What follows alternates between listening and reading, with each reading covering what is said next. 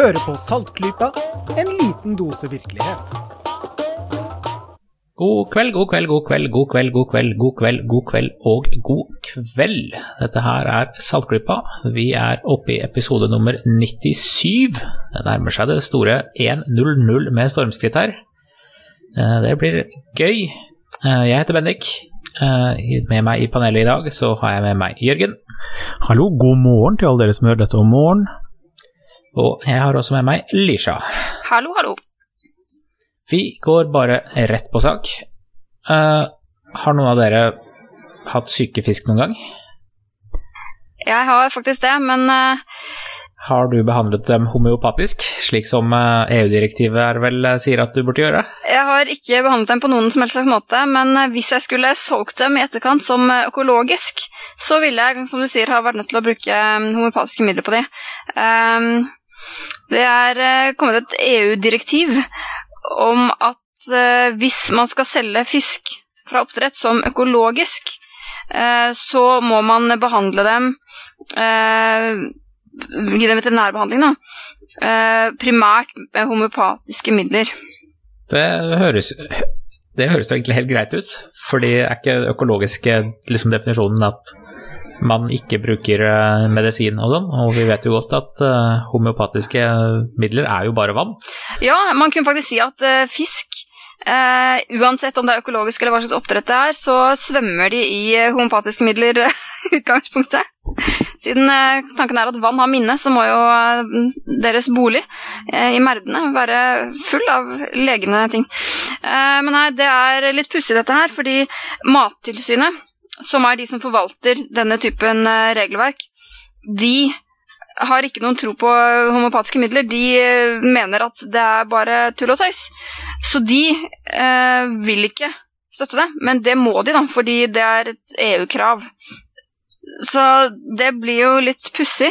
De er nødt til å da håndheve noe som de ikke bare ikke har tro på, men de vet at det ikke funker. Eh, og Veterinærforeningen har nå, Dette er ikke noe nytt, men det har først blitt, blitt omtalt i media denne uka her. Og eh, Veterinærforeningen har reagert da de som fagsjef i Veterinærforeningen sier til Dagbladet, som, som veterinære baserer vi oss på vitenskapelig informasjon i utøvelsen av vårt yrke. Uh, han mener at dette hører ikke hjemme i 2015, da. Uh, ja, det kan man jo være enig i. Sier meg jo ganske enig. Det er, det er jo sikkert ikke noen, noen der stor ja, jeg vil ikke kalle det konspirasjon på noen måte. uh, stor mening bak dette her. Det er sikkert bare en eller annen funksjonær som har fått i oppdrag å skrive dette dokumentet her, og det tilfeldigvis var en person som var litt homeopatisk av seg. Det er mulig. Eh, Men, men det blir ganske pussig. Nå krever formelt Mattilsynet at homopatisk medisin skal være liksom førstelinje i behandlingen av fisk, men Mattilsynet sier at de kommer ikke til å kreve det. Ja, det er jo fortsatt bra Mattilsynet, da. Ja, Det er bra Mattilsynet. De er ganske fornuftige. Ja, det det er jo et problem at det faktisk ikke finnes uh, homopatiske medisiner laget for fisker. Ja, her er det et hull i uh, tilbudet, da. Det høres ut som en business opportunity, altså. Ja. Her er noen som kanskje bør, kan gjøre en liten uh, karriere på dette.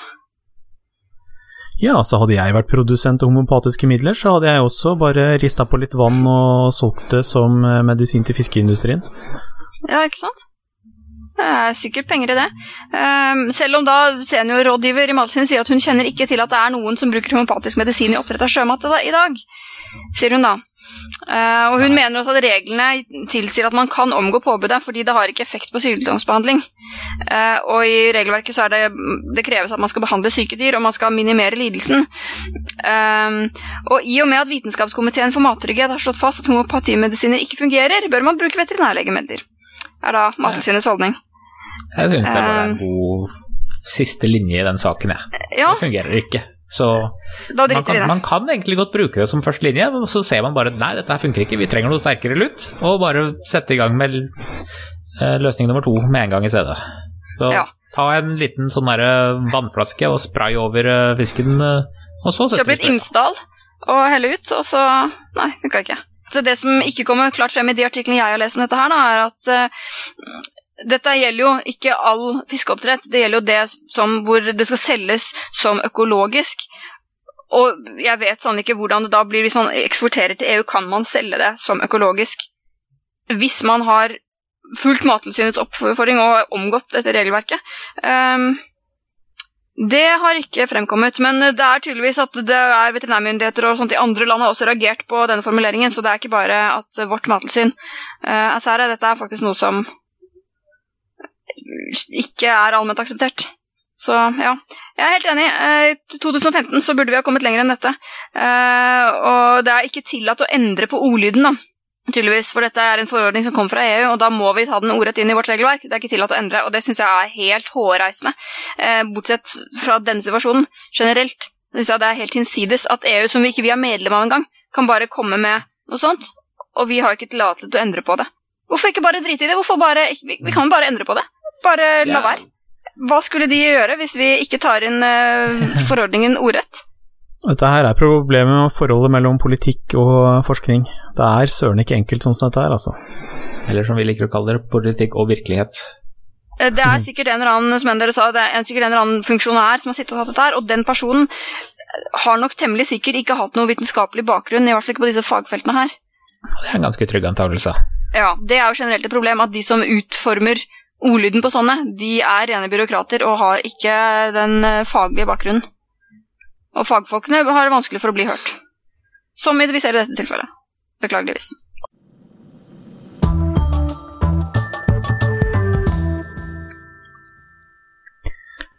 Og nå Snåsaprat. Det er ganske lenge siden uh, vi har pratet om uh, Snåsamannen, Joralf Gjerstad. Det Men uh, nå tar han dukket opp i media igjen, gitt. Uh, han dukker jo opp en gang iblant, gjerne i anledning med at en ny bok eller dokumentar kommer ut om han, og det stemte jammen meg denne gangen også. Ja, pussig det der. Når vi tar opp uh, denne episoden her, så er det bare et par dager siden en dokumentar om han gikk ut på TV Norge. Som vanlig så liker jeg å prate om ting uten å ha sett det, så jeg har ikke sett den showet selv. Ikke jeg heller. Min unnskyldning er at jeg har ikke TV-en min koblet inn. Det er i hvert fall min uh, grunn, og den uh, holder jeg meg på. Ja, det er en ganske god grunn. Men Lisha, du så heldigvis på den. Ja, jeg fikk faktisk Hva? med meg hele greia. Um, Bra. Og det må jeg si, det var ikke noen høydere. Det var faktisk Nei. en av de dårligste dokumentarene jeg har sett i hele mitt liv. Uh, den var altså Den personen som har laget den, det var en hun var ikke noe særlig synlig, da, men hun uh, gjorde intervjuene og hun snakket, og hun var tydeligvis journalist, og hun burde virkelig uh, levere inn fagforeningskortet. Altså det der, der var Det kan ikke være bekjent av å kalle seg journalistikk. Det var ikke et eneste kritisk spørsmål eh, fra henne. det som var av kritiske innspill, kom fra Gjerstads 92 år gamle søster. Hun var jo Hun rocka da, på den ja, side. Ja, hun var jo helt konge. hun la ikke fingrene mm. igjennom. Dette var jo bare reinspikka tull. Uh, som han farte med. Uh, men ellers så var det jo at Gjerstad la ut om seg selv i det vide og det brede, sin egen fortreffelighet og alle de fantastiske ting han har gjort, og hvor glad alle er i han. Um, det var hovedsakelig det det besto av. Men denne journalisten, hun Jeg mener jo at han kommer med såpass oppsiktsvekkende påstander at det bør være gjenstand for uh, en del temmelig kritisk Eh, ettersøkning. Og her var det jo en gyllen anledning til det, skulle man tro, men det ble overhodet ikke benyttet. Til og med når denne søsteren Hun la jo til dels veldig opp til det, fordi han sa uh, Han fikk spørsmål i begynnelsen av uh, programmet i hvert fall det var han klippet inn der, om uh, sin barndom. Da, og Han var jo en, en i en ganske stor søskenflokk, uh, seks unger eller noe sånt. Og han ble spurt om hadde de andre søsknene også noen slike evner. Og det mente han absolutt at de hadde, da, de fleste, om jeg ikke husker feil. Men de brukte det ikke sånn som han gjorde, de bare hadde det og gjorde ikke noe med det. Mens han derimot da benyttet seg av dem da ganske tidlig. Eh, og så ble søsteren da senere, når de var oppe i Gaundalen der og besøkte henne, ble spurt om hun husket da noe fra barndommen, eller at noen eh, av disse søsknene hadde hatt noen slike evner. Nei, det hadde de absolutt ikke overhodet. På ingen måte. Um, så da kan man tenke seg dette var jo, vil jeg si, en gyllen anledning uh, for denne, søster, denne journalisten å spørre da Her sier jo da din søster bokstavelig talt det stikk motsatte av din påstand. Hva var det å si til det? Nei, nei. Det ble overhodet ikke fulgt opp. Det var bare å sitte og koseprate og spise mm, kaker og drikke kaffe. Det var åpenbart ikke av interesse å følge opp dette her. Så jeg syns det var Ja, men det var jo bare én person, og helt åpenbart at eh, hun bare er en benekter, vet du. Ja, eh, eller som eh, søsteren sa, da, at eh, hun sto nå fritt til å tro på det, men det beviste, jo bare den eneste tingen det beviste, var at hun journalisten var ikke helt god i hodet. Hun har en skarp tunge. Ja, absolutt. Hun er da 92 år, som sagt, så hun tenker vel at hun har ikke så mye å tape på å si sin ærlige mening på dette tidspunkt. Uh, men nei, jeg syns det var en utrolig dårlig dokumentar. Uh, og jeg vet ikke om det er fordi han er så han er gammel, da, eller er det fordi han er sånn koselig bestefaraktig, og du liksom er Du skal ikke motsi gamle folk, eller du skal ikke være slem mot den hyggelige gamle karen. Altså, jeg vet ikke Er det noe sånt som slår inn her? Fordi tror det er en del av de faktorene som alle kan trigge. Altså, han er jo en trivelig gammel kar. Virker han som, i hvert fall. Jeg, jeg har aldri møtt han, men Det er jo image imaget hans, gjerne om det for det. Image er det. Uh, alle som har møtt han, sier han er en eh, trivelig gammel kar med varme hender, og liksom Han er jo bestefar. Ja, han er det. Barnebarnet hans var faktisk med i programmet og sa at han var veldig grei og sånn. Så det Mhm. Og at de burde hørt mer på han, for en gang så visste han på forhånd hva de skulle ha på eksamen, men det var så rart at hun trodde ikke på det, og så fikk hun. Så da Der Jeg husker hun husker jeg leste liksom. et intervju med hun eh, som har laget den eh, dokumentaren før hun begynte. Eh, Nå husker jeg ikke detaljene, og jeg har ikke lett den opp igjen heller, men jeg husker jeg tenkte at hun der er ikke skeptisk for fem øre, dette blir et koseprogram og ikke noe annet. Ja, det var akkurat det det var. Sånn ble det. Det, sånn ble det. Ja. Og det var, det var tatt fullstendig for gitt at alle hans påstander stemmer virkeligheten. Og ingen slapp til som var kritiske, bortsett fra da storesøster.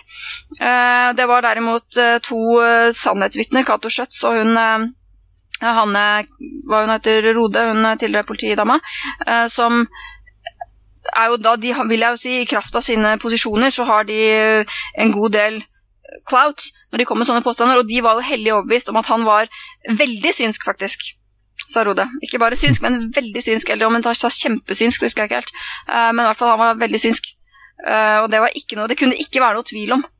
Eh, mens noen som da var kritisk, det var ikke det var ikke tatt med. Så jeg skulle jo for min del gjerne visst var dette slik produksjonsselskapet valgte å vinkle det, eller er dette ja, et krav da fra Gjerstad om for at han stiller opp, så kan det ikke komme trekkende med sånne tvilere, da. Det hadde vært interessant å vite. Ja, det er det store spørsmålet. Ja, det er faktisk eh, Det hadde vært veldig interessant. Ja, Gunnar, uh, Gunnar Kjumlid har gravd opp noen sitater fra en av produsentene uh, av filmen. Og der er svaret f.eks.: Vi stiller spørsmål til historiene der han hevder å ha helbredet personer av synske evner, men hovedfokuset er historien om personen. Vi skal ikke drive forskning og etterprøve faktapåstander, sier en av uh, produsentene av filmen, Dag Rune Johansen. Ja, Det var et portrett av eh, personen, og jeg må si ut av det portrettet så gir det, Jeg satt igjen med inntrykket at eh, Joralf Gjerstad er eh, rett og slett på, altså på klinisk nivå en narsissist. Som er helt oppslukt av sin egen fortreffelighet og har får veldig mye utbytte av å være i sentrum og av å være viktig og spesiell.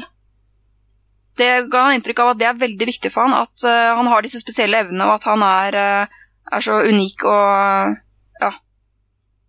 Og det tyder litt for meg da, på at han burde kanskje vært beskyttet mot seg selv.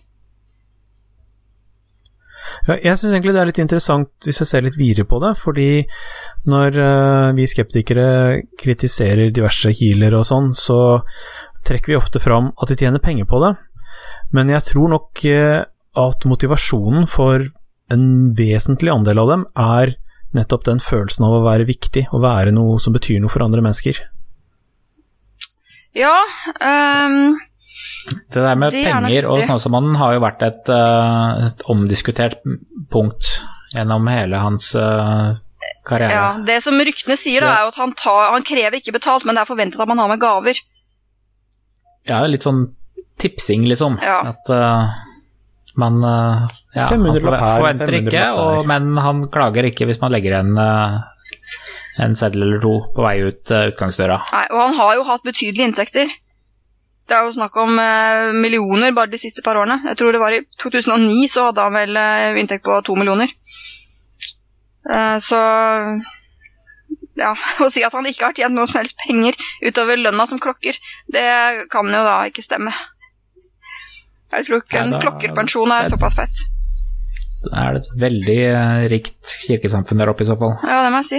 Eh, Så det er klart han har tjent mye penger på disse bøkene, og det er for så vidt eh, fair enough. Hvis du skriver en bok og folk vil kjøpe den, så det er jo greit. Men da blir det veldig vanskelig å si at du er så utrolig beskjeden og ydmyk og bare vil være for deg selv og ikke vil ha oppmerksomhet.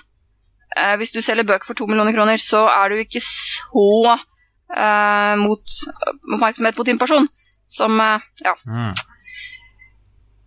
Det vil bli en av mine konklusjoner på dette. Ja. Nei, det, så, så oppsummering der er egentlig same old. Det har kommet ut en ny dokumentar om Snåsamannen, den var ikke kritisk i det hele Nei, tatt. og ga oss ingen ny informasjon. Da, Ga oss ingen ny informasjon, ingen nye spådommer som kan etterprøves, eller som har blitt etterprøvd, ingen eh, kliniske eller semikliniske forsøk av hans påståtte evner. Nei, Det eneste nytt som kom frem, var at han har en utrolig kul søster.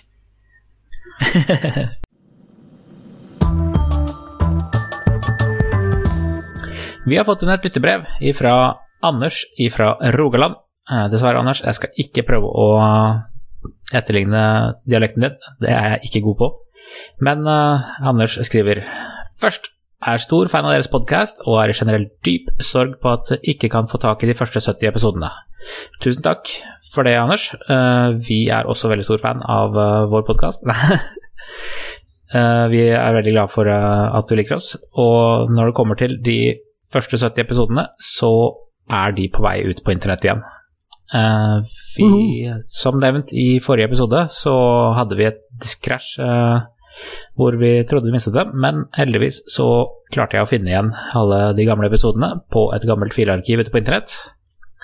Så nå har jeg en kopi av dem igjen, og arbeidet med å få de fortsatt få de lagt ut på internett fortsetter utover våren. Så de kommer, og det lover vi denne gangen.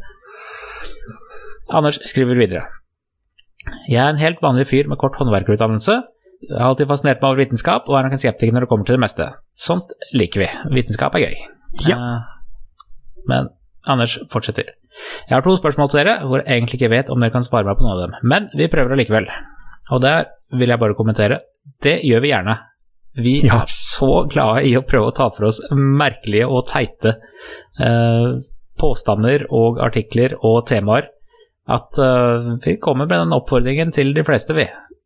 Vi har, litt lyst til å prøve å være et sånn der allvitende orakel når det kommer til eh, vitenskapelige ting og temaer. Så er det noe dere lurer på, så kan dere bare sende det til oss. All right. Eh, første av Anders to spørsmål. Meg og min samboer sluttet å røyke tobakk for ca. åtte måneder siden, og nå røyker vi bare e-sigarett. Det har vært mye i media for tiden om stoffer i dette som kan være helsefarlig, men kan også lese mye bra om det. Jeg sliter rett og slett i å vite hva jeg skal tro. Er det farlig eller ufarlig? Er det et bedre alternativ enn tobakk? Spørsmål nummer to. Bør jeg ta alt fra illustrert vitenskap for god fisk? Siden det er vel bare journalister som skriver det, og ikke vitenskapsfolk. Har abonnert på det i over flere år og liker det godt, vil bare vite deres perspektiv på det. La oss begynne med det siste spørsmålet først, om Ja. illustrert vitenskap. Der har vi litt ting vi kan si. Eh, Jeg i hvert fall må innrømme jeg har ikke lest illustrert vitenskap annet enn når jeg sitter og venter på tannlegen min. Det er samme med meg, det er ikke akkurat noe jeg kjøper. Men vi setter veldig pris på at bladet eksisterer. Uh, I min synspunkt så er det en del bra ting der. De går litt sensasjonelt til verks iblant. Sånn typisk uh, overskrifter som uh, er basert på bare en bisetning i en eh, Eller ikke repliserbare eksperimenter eller slikt. Og at de da kan minne De kan være litt tabloide, rett og slett, er vel ordet vi bruker om det i Norge. Men det er allikevel veldig bra uh, at det er et blad, i hvert fall ett blad som hele tiden, hvor man kan gå for å bli inspirert, da. Er vel kanskje det riktigste å si. For jeg husker jeg var veldig, veldig glad i illustrert vitenskap da jeg var yngre. Jeg klarte aldri å få overbevist eh, mine foreldre til å gi meg penger til å abonnere på det, men eh, fikk eh, kjøpt det en gang iblant. Og da slukte jeg opp alt som sto der, selvsagt. Da var jeg ikke i stand til å fact-sjekke det som sto der. Men vi må huske på det som du sa, ja. Illustrert vitenskap er vel stort sett skrevet av journalister, og ikke av forskere og bransjefolk. Det er en ting til som jeg har tenkt litt på. Jeg vet ikke hvordan redaksjonen fungerer, men jeg har inntrykk av, dette er mitt personlige inntrykk, at de kjøper inn historier fra her og der og oversetter ting selv, og da skjer det ofte at de tar en sak som kanskje ikke er god nok i utgangspunktet, og så skjer det oversettelsesfeil, og så blir det enda verre. Jeg har følelsen at det er mye sånt som foregår. Ja, især hvis det ikke er uh, fagfolk som gjør det. Men igjen, samme disclaimer som, uh, som, Jørgen. Vi har faktisk ikke noe kunnskap om sammensetningen av redaksjonen til Illustrert vitenskap. Og vi baserer oss på våre inntrykk. Ja, jeg har sett utrolig mye feil der, ordentlig grundig feil. Men uh, totalinntrykket mitt er at hvis du leser mye illustrert vitenskap, så ender du stort sett ut på plussiden. Altså du vil da kanskje ende opp med å tro en del ting som ikke er riktig, men du vil samtidig ha lært en masse som er riktig, eller sånn noenlunde riktig. Ja, de er ikke så veldig hete på ting som kildehenvisninger eller uh, fact-checking av sine egne artikler selv, så det er litt sånn uh, Ja, det er ikke sånn at man liksom blir skeptiker av å lese det, men det er litt sånn I fucking love science-type uh, sak. Det er bra at den er der. Uh, man går ikke til den for å skrive doktorgradsavhandlingen sin, men uh, den er fin for å vekke folks interesse og for å ha noen kule sånn derre Nei, er det sånn? Sånn derre factoids som man kan dra opp med på fest på kvelden og sånt. Det bare slo meg her at nå sitter vi og sier at illustrert vitenskap er dårlig på å faktasjekke, og det sier to personer som nettopp har fortalt at de ikke har lest det på kjempelenge. Helt riktig. Ja. Så ta alt hva vi sier med en liten klype salt. Ja. Uh, Men i hvert fall eh, det inntrykket jeg har som gjør at jeg ikke oppsøker illustrert vitenskap. Det hender av og til at det er en eller annen eh, overskrift som gjør at jeg kjøper det, for jeg tenker at det er en artikkel jeg vil lese, og da som regel blir jeg skuffa. Ja, vi tror at det er en nett positiv ting at illustrert vitenskap eksisterer, så vi vil gjerne at de fortsetter. Eh, men de kan være litt mindre sensasjonelle iblant. Men det var skikkelig kult at de eh, la med solformørkelsesbriller i eh, var det marsbladet sitt, eller februarbladet sitt, til ja. alle som kjøpte det der. Da burde jeg jo kjøpt det. Mm. Så iblant så gjør de bra saker. Så ja. jeg tror oppfordringen fremdeles er ja, du, du, kan lese illustrert vitenskap, men bruk det ikke som det siste ordet på en sak, men bruk det som en uh, innføring i, eller uh, springboard for å lese videre om en sak på dypere uh, ja.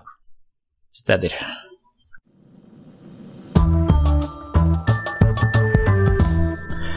Men han hadde jo et annet spørsmål.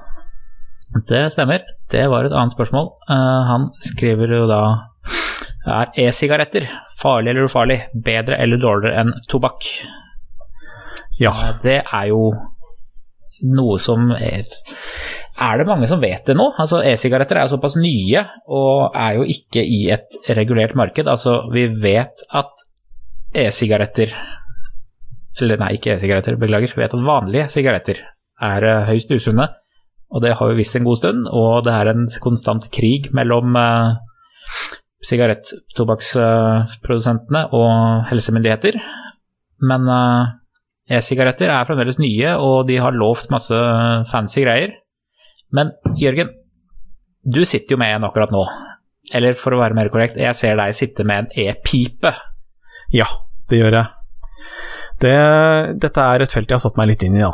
Jeg har litt personlig erfaring. Det startet med for uh, halvannet år siden at jeg ble forespurt av en jeg kjenner om jeg kunne hjelpe til å, å se etter en e-sigarettgreie, fordi denne personen gjerne ville prøve å slutte å røyke, og trodde at kanskje at e-sigaretter kunne være tingen, og dermed så begynte jeg å undersøke litt, og jeg endte opp med å skaffe noen e-sigaretter til to personer, faktisk, og jeg syns hele greia var så interessant at uh, jeg har endt opp med å drive med sånn damping, som det heter, selv. Eh, jeg er da ikke en røyker, må bare påpeke det. Eh, I denne pipa jeg har her, så finnes det ikke nikotin i det hele tatt, men jeg er en gammel piperøyker. som eh, har bare røyka pipe for kos. Nå, men så slutta jeg med det, for at røyk er jo uansett usunt, og det lukter og stinker og i det hele tatt, så jeg slutta egentlig med piperøykinga. Men nå kunne jeg begynne igjen, med moderne teknologi. Så derfor har jeg satt meg litt inn i dette her, og har samla en del saker eh, over det siste halvannet år. Så nå skal jeg da prøve å komme med mine konklusjoner så langt. Så, så den du sitter med der nå, der, så der har du ikke nikotin i det hele tatt? Så ikke. Der røyker du basically bare damp? Ja. Og for øvrig gjør jeg det på samme måten som jeg gjorde den gang jeg faktisk røyka tobakkspipe. Jeg inhalerer ikke.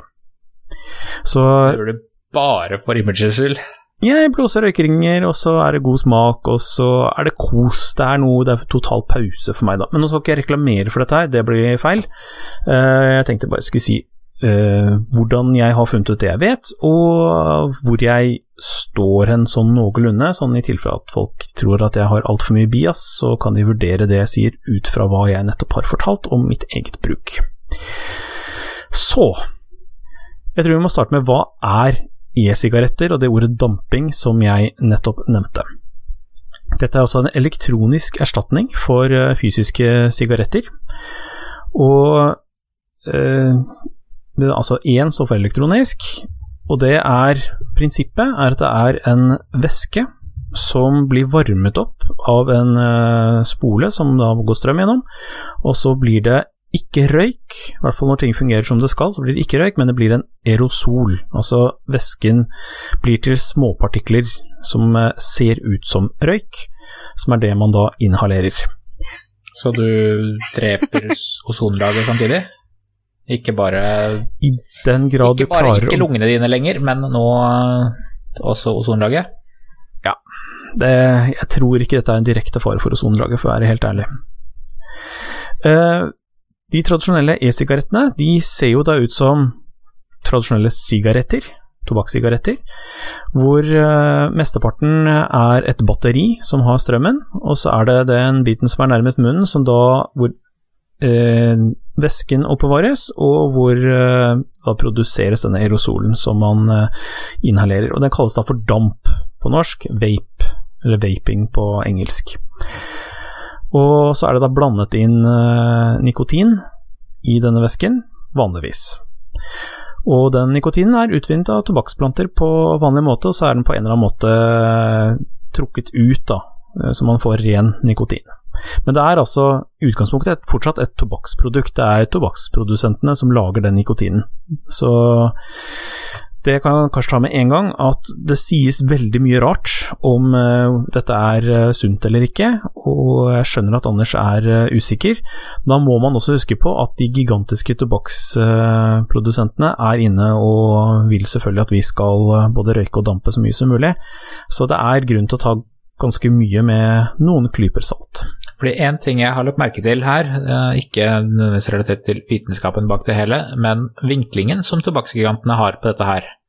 Altså, Tobakksgigantene vet jo at vi, i hvert fall vår generasjon, har fått bombardert inn hele livet at røyking er farlig og dritt og ødelegger lungene dine etc. Det er ingen i hele verden som ikke tror det.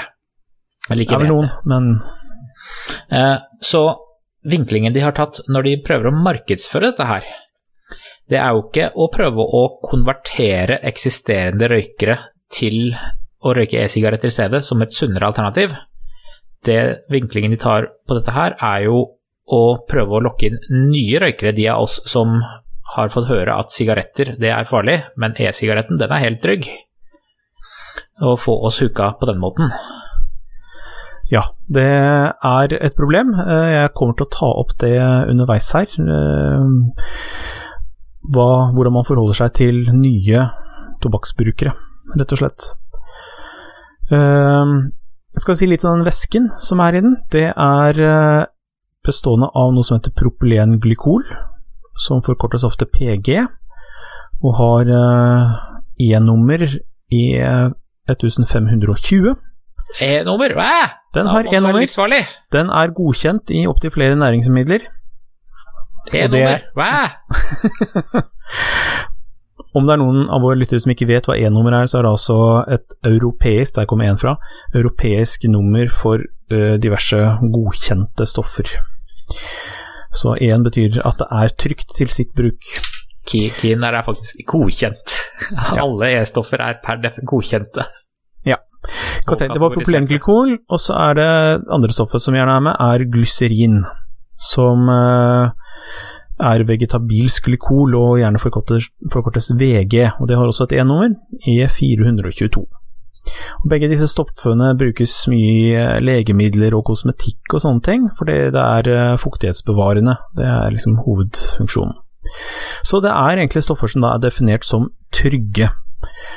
Ehm, det man ofte ser rundt omkring, det er at eh, når man driver og damper, så er det vanndamp.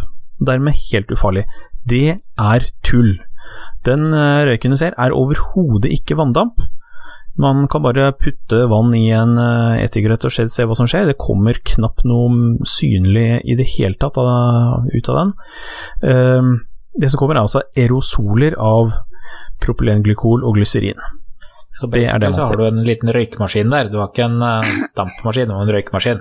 Nemlig. Til scenebruk og sånn, så har man Kommer røyk på en rockekonsert, så er det samme kjemikaliene som brukes for å lage den røyken.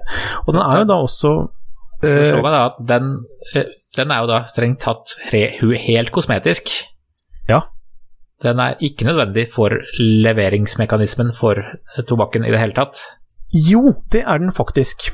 Eh, blant annet så brukes disse stoffene i sånn astmainhalatorer og sånn også, for nettopp å frakte aktive stoffer til lungene. Ja. Så de har faktisk en reell leveransefunksjon i tillegg til eh, det kosmetiske. Men det kosmetiske er kanskje det aller viktigste. Ja, det kan du si. Uh, og det er jo også en uh, trend uh, å lage kjempemye damp. Eh, altså aerosoler. Uh, altså ikke nødvendigvis dampe for å få i seg nikotin, men bare for å lage sånne imponerende skyer av det. Det er en helt egen sånn subkultur rundt dette her som noen driver med. Så det er en viktig del av å dele dette her dampemiljøet, i den grad man kan kalle det et miljø. Men altså, det er ikke vanndamp. Det, jeg har hørt selv folk som virkelig har peiling på markedet og alt mulig rart, som fortsatt tror at det er damp. Det er det ikke. Det er altså disse stoffene som eh, er godkjent brukt eh, i visse legemidler som inhaleres. Det er godkjent brukt i senerøyk og sånne ting, og det er godkjent brukt i ting man skal spise. Men det er ikke det samme som at det er undersøkt om det er eh, godt for kroppen å dra det inn i store mengder inn i lungene. Så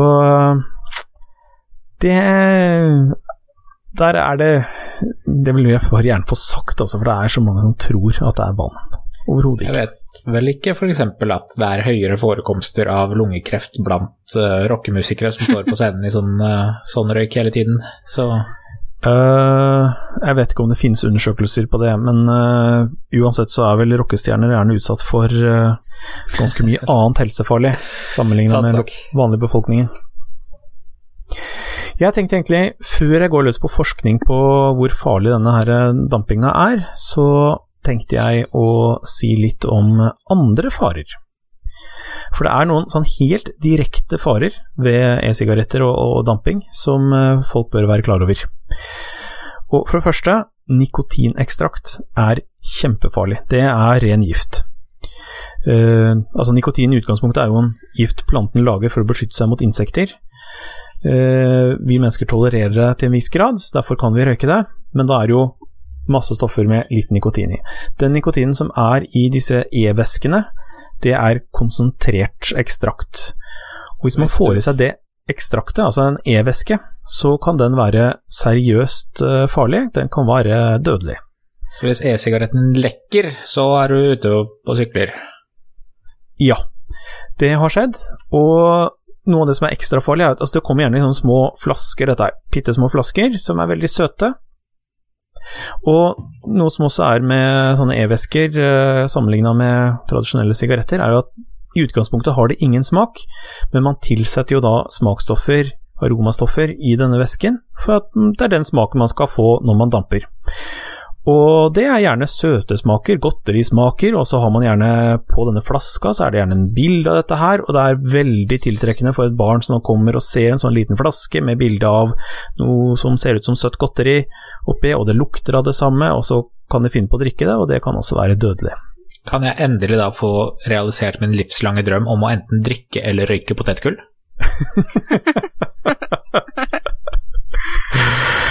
Eh, Det skulle ikke forundre meg. Det vil si, jeg har jo prøvd noen sånne væsker, da. Og som regel så lover de jo en eh, smak de ikke kan holde. Jeg har smakt noen greier som virkelig ikke smakte som det skulle, og det var bare hugg. Det var ikke bra i det hele tatt. Så det er de mulig smaker, de smaker omtrent like korrekt som jordbærsaften smaker jordbær. Ja. Uh, jordbær er faktisk en de greier å etterligne sammenligna med en del andre, men det er nå så. Uh, en ting er barn, som jeg nevnte, noe annet er hunder og andre husdyr som også kan komme over uh, disse flaskene og bite det i seg, så det er farlig også for husdyr. Så hold disse flaskene godt unna alt som kan krype og gå, som kan få tak i det. I tillegg så kan selve e-sigaretten, eller pipa for min del, eh, lekke. Sånn at det kan renne ut av den. Så også selve damputstyret ditt bør oppbevares høyst utilgjengelig til vanlig. Så det er veldig viktig. Det er på en måte hvorvidt det er farlig å, å, å dampe sånn utgangspunktet, er nesten mindre viktig enn det å holde styr på den væsken, mener nå jeg, da. Noe annet som er eh, problemer, er at eh, det er ganske lett å få tak i. Fordi eh, da i Norge da, så er det ikke lov å selge dampevæske med nikotin i. Det er sånn norske reglene er i øyeblikket. Nei, Så folk eh, bestiller på internett, og kontroll av alder på folk over internett er ikke nødvendigvis så god, så det er ikke så innmari vanskelig for tenåringer, og kanskje til og med yngre, å få tak i både utstyr og væske. Og i tillegg så er dette en helt ny, et helt nytt produkt, så regelverk og forskrifter og forskjellige kontrollorganer er vel ikke helt eh, klare enda til å regulere denne bransjen her. Så er det sånne ting som at uh, Apropos kontroll, Uh, vi har ikke kontroll med produsentene heller. Det er ikke noe organ som sjekker at det faktisk er uh, riktig mengde nikotin i flaska, at det er de stoffene i som det står. Det er veldig mye sånn kjellerproduksjon, og du kan få alt mulig rart. Du er ikke garantert at innholdet er riktig, og det kan hende det er helseskadelig rett og slett fordi det er noe annet i flaska enn det man trodde. Så det er også en fare man skal være klar over. Så det er eh, god grunn til at man vil prøve å få til noe kontroll rundt eh, damping. Så er det også problemer med utstyret. Det er eksempler på at eh, batteriene har eksplodert, f.eks. Det er jo et Eh, oppladbart batteri, de kan eksplodere fra tid til annen. Vi hører om det en gang iblant i en mobiltelefon, og det er samme teknologi der.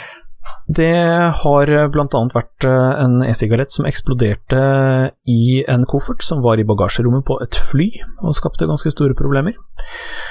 Og bl.a. pga. det så er det nå sterkt anbefalt å sørge for å ha dampeutstyret i håndbagasjen, sånn at hvis noe sånt skulle skje, så er det, tar det kortere tid før man får kontroll på det.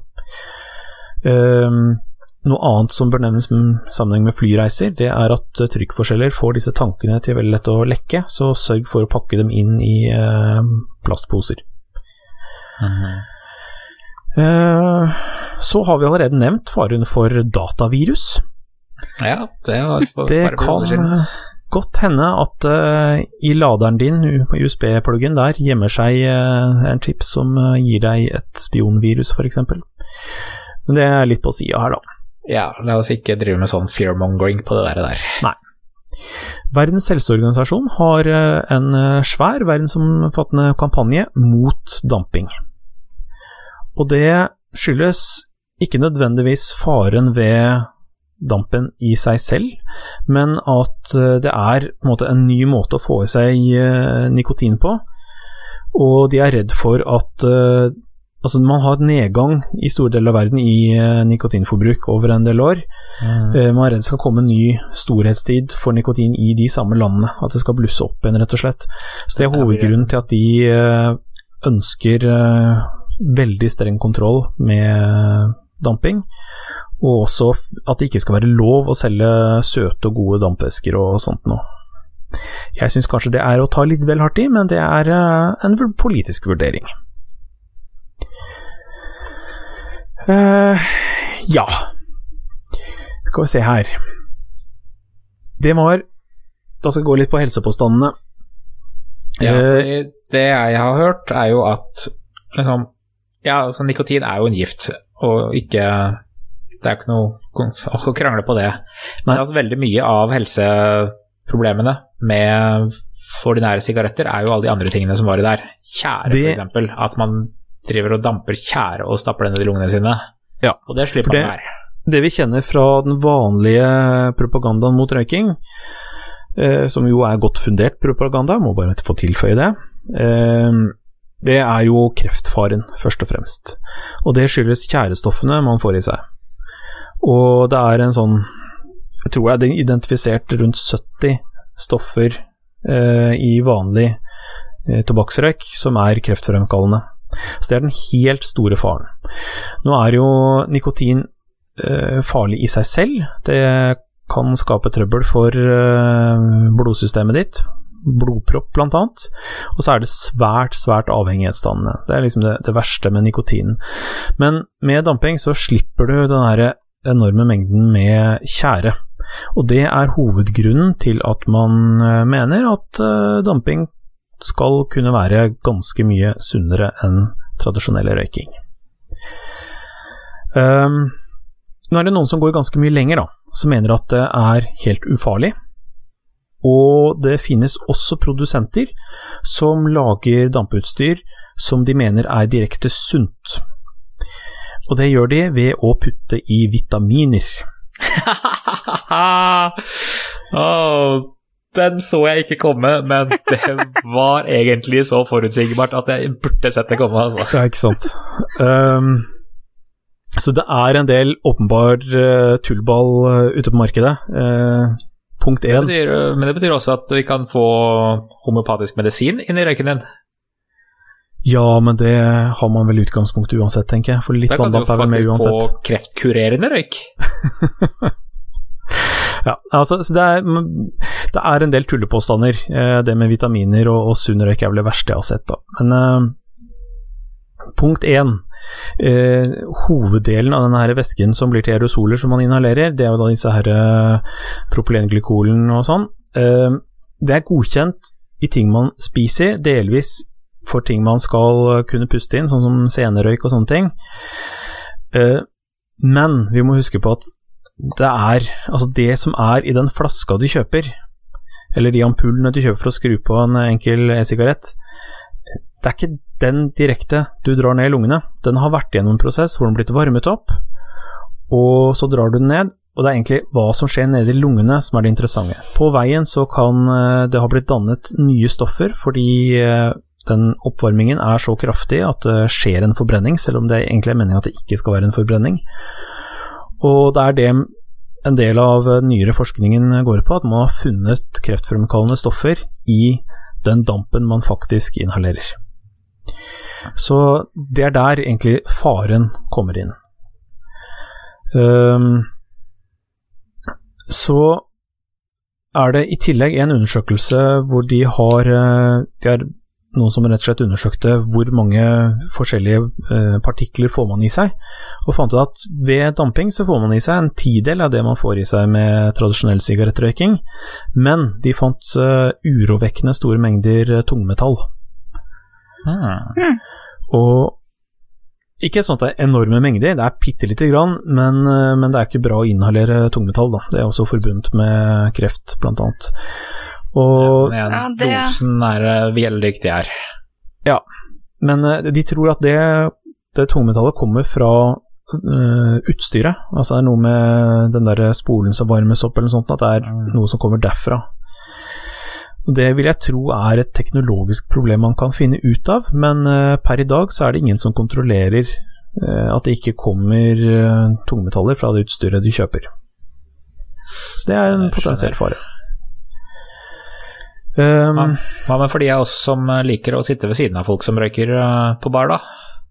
Er det noe uh, Jeg så jo du demonstrerte jo pipa di foran kamera her i stad, Ja. som jo alle lyttere ikke får se, men Nei. jeg skal se om jeg kan få lagt ut noen bilder.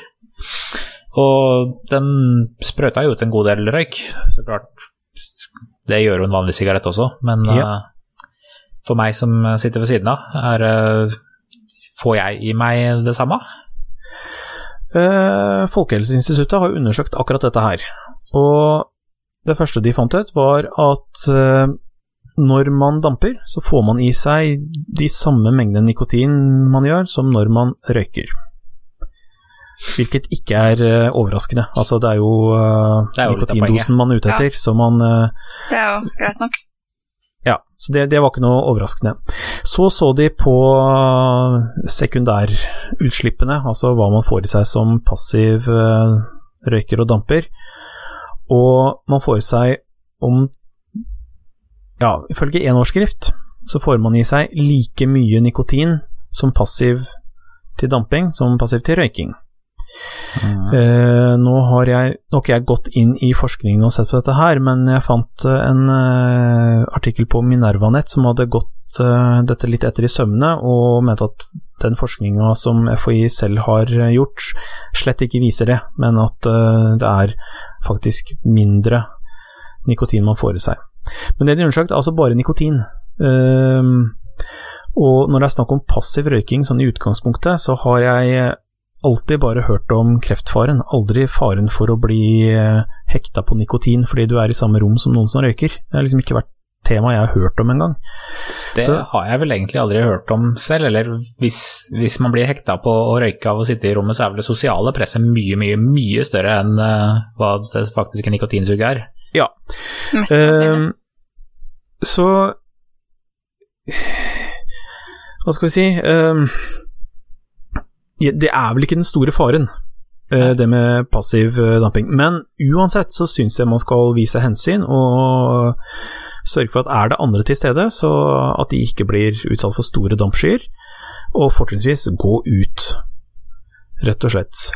Det er en ting til også. Jeg drev og pløyde gjennom eh, artiklene som Folkehelseinstituttet har ute om røyking, og så på direkte helsefare ved nikotin. Og de mener at det er en viss fare rett og slett ved at nikotinen omformes i møte med andre stoffer man finner i inneklimaet, og blir til stoffer som kan være kreftfremkallende. Så det er ikke nødvendigvis helt risikofritt, bare den nikotinen heller, selv om du, alt du har er kjemperent. Reneste produktene man får tak i, så kan nikotinen eh, i den dampen du utånder, den kan eh, i inneluft skape stoffer som er kreftfremkallende. Ikke veldig mye, men eh, det er verdt å ta med seg. Så jeg anbefaler eh, hyppig lufting og helst dampe ute. Du, Ehm. med, med dette opplegget her, eh, speaking of dampe inne, slipper du den røykelukta som setter seg igjen i alt hvis man røyker sigaretter? Man kan jo lukte på klærne til en som røyker i dagevis etterpå. Ja, jeg hørte eh, en av podkastene jeg hører på, noen som heter Geek Nights, de eh, mente at det setter seg en lukt, men det er altså ikke å sammenligne med det du får av eh, tradisjonell røyking. Men når du har liksom et lokale hvor det ofte er flere folk som sitter og damper, så vil det over tid danne seg en lukt som er gjenkjennbar. Eh, jeg vil gjette på at det primært skyldes eh, smaksstoffene som er tilsatt. For det er jo en litt sånn klebrig væske, den der uh, glykolen. Um, så det vil jo feste seg rundt omkring, og da vil det jo være litt mer litt luktstoffer og sånn. Men altså, det kan ikke sammenlignes med røyking. Um, Det er bra. Det er Det er veldig bra. Ja. For det som er greia med røyking, Men- altså ordentlig røyking, det er jo det at det er ikke bare den som røyker, som stinker av det. Men det er jo hele huset Nei. deres og alle som bor i huset med dem også. Så Ja. det setter seg jo virkelig i absolutt alt. Hvis du låner en røyker en genser, så må du vaske den når du får den tilbake. så det å drive og stordampe, det, det setter nok lukt, det også. Så vær litt bevisst på det, men det er altså ikke helt sammenlignbart i størrelse. Men til gjengjeld, da får du jordbærlukt i genseren din i stedet for tjærelukt. Tross alt mye bedre. Og så spørs det om det er det du vil, da. Ja, Det er tross alt bedre. Mm. Eh, vi men altså, den saken du nevnte her, eh, med uh, passiv damping, uh, der har jeg litt å si, altså. Fordi at uh, det er Camilla Stoltenberg i FHI som gikk ut veldig tydelig da denne undersøkelsen kom. Og store overskrifter om at e-sigaretter er ikke sunt, det er farlig det også, og, og veldig stor fokus på faren for passiv damping, at man kunne få i seg nikotin. Og det Jeg oppfatta det som eh, propaganda, sånn antidampepropaganda. Eh, jeg har inntrykk av at her er de livredde for at folk skal eh, tro at det er ufarlig, og derfor så prøver de å skremme så mye som overhodet mulig. Det var også en annen sak her på høsten med noen japanske forskere som hadde sett på noe av det man har funnet av kreftfremkallende stoffer i damp eh, sånn som den er når den faktisk eh, blir eh, ja, kjøres over en varmespole osv. Eh, og de hadde funnet eh, Skal se, har glemt hva det heter. Eh, formaldehyd. Det er noe av det de har funnet, særlig når man har litt kraftig strøm på denne spolen. Så blir det en litt mer forbrenningseffekt, og da er formaldehyd noe av det som eh, kan dannes, og det er kreftfremkallende.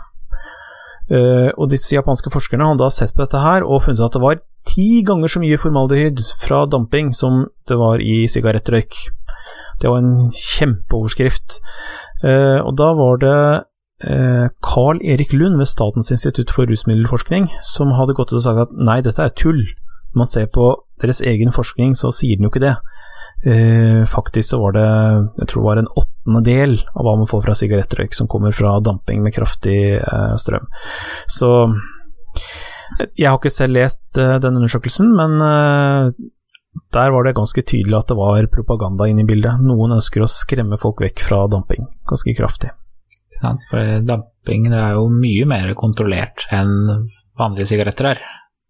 Ja. Eh, både med det at du damper en destillert eller kreert væske, og den kan kjøres gjennom uh, Bare der så, så, begynner det jo veldig, veldig bra. At du slipper all den der uh, ja, røyken som er uh, ikke-nikotinen i sigaretten din.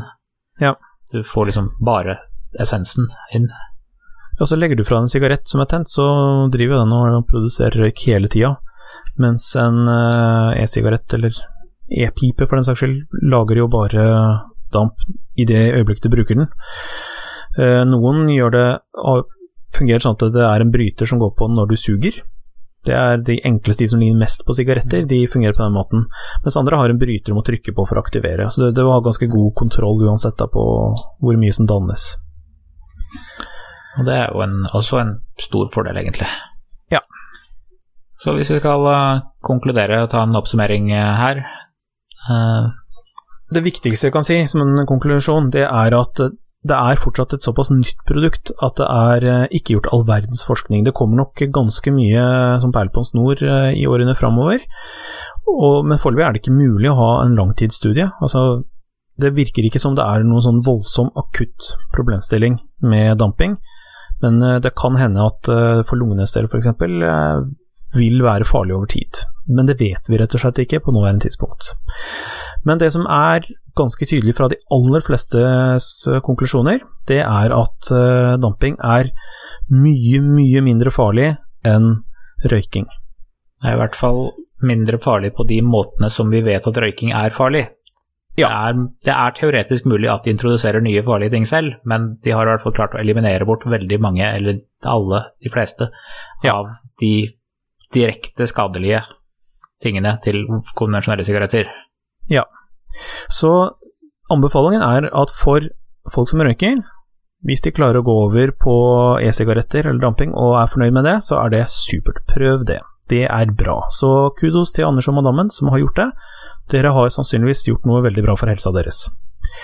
Men så er det jo ikke risikofritt. Det er ikke sånn at det er farlig eller ufarlig, det er snakk om hvor farlig er det. Og akkurat hvor farlig det er, vet vi ikke ennå. Men eh, litt fare er det, så jeg vil absolutt anbefale å trappe ned og prøve å slutte.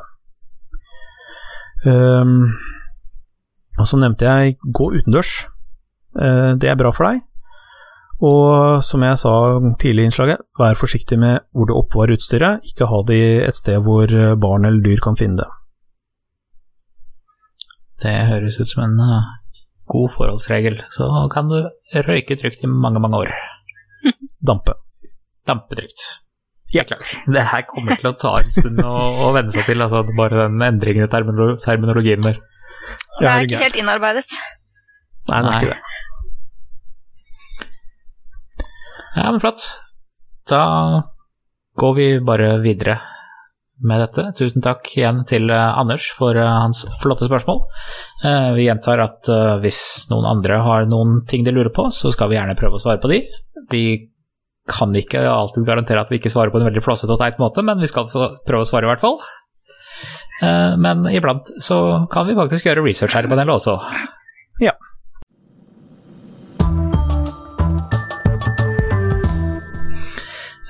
vi går videre til ukens anbefalinger. Vi gjentar anbefalingen fra sitt gang, bare med en liten endring. Den kjente youtuberen Aron Ra, som lager videoer på YouTube hvor han debatterer kreasjonister og andre skeptiske temaer, eh, skal komme til Oslo neste fredag, den nå førstkommende fredag, den 8. mai. Eh, det er ikke lenger på Punjab Tandori, slik som tidligere kunne gjort. I stedet så er stedet blitt flyttet til Kafé Amsterdam, som ligger i Christian Augusts gate i Oslo.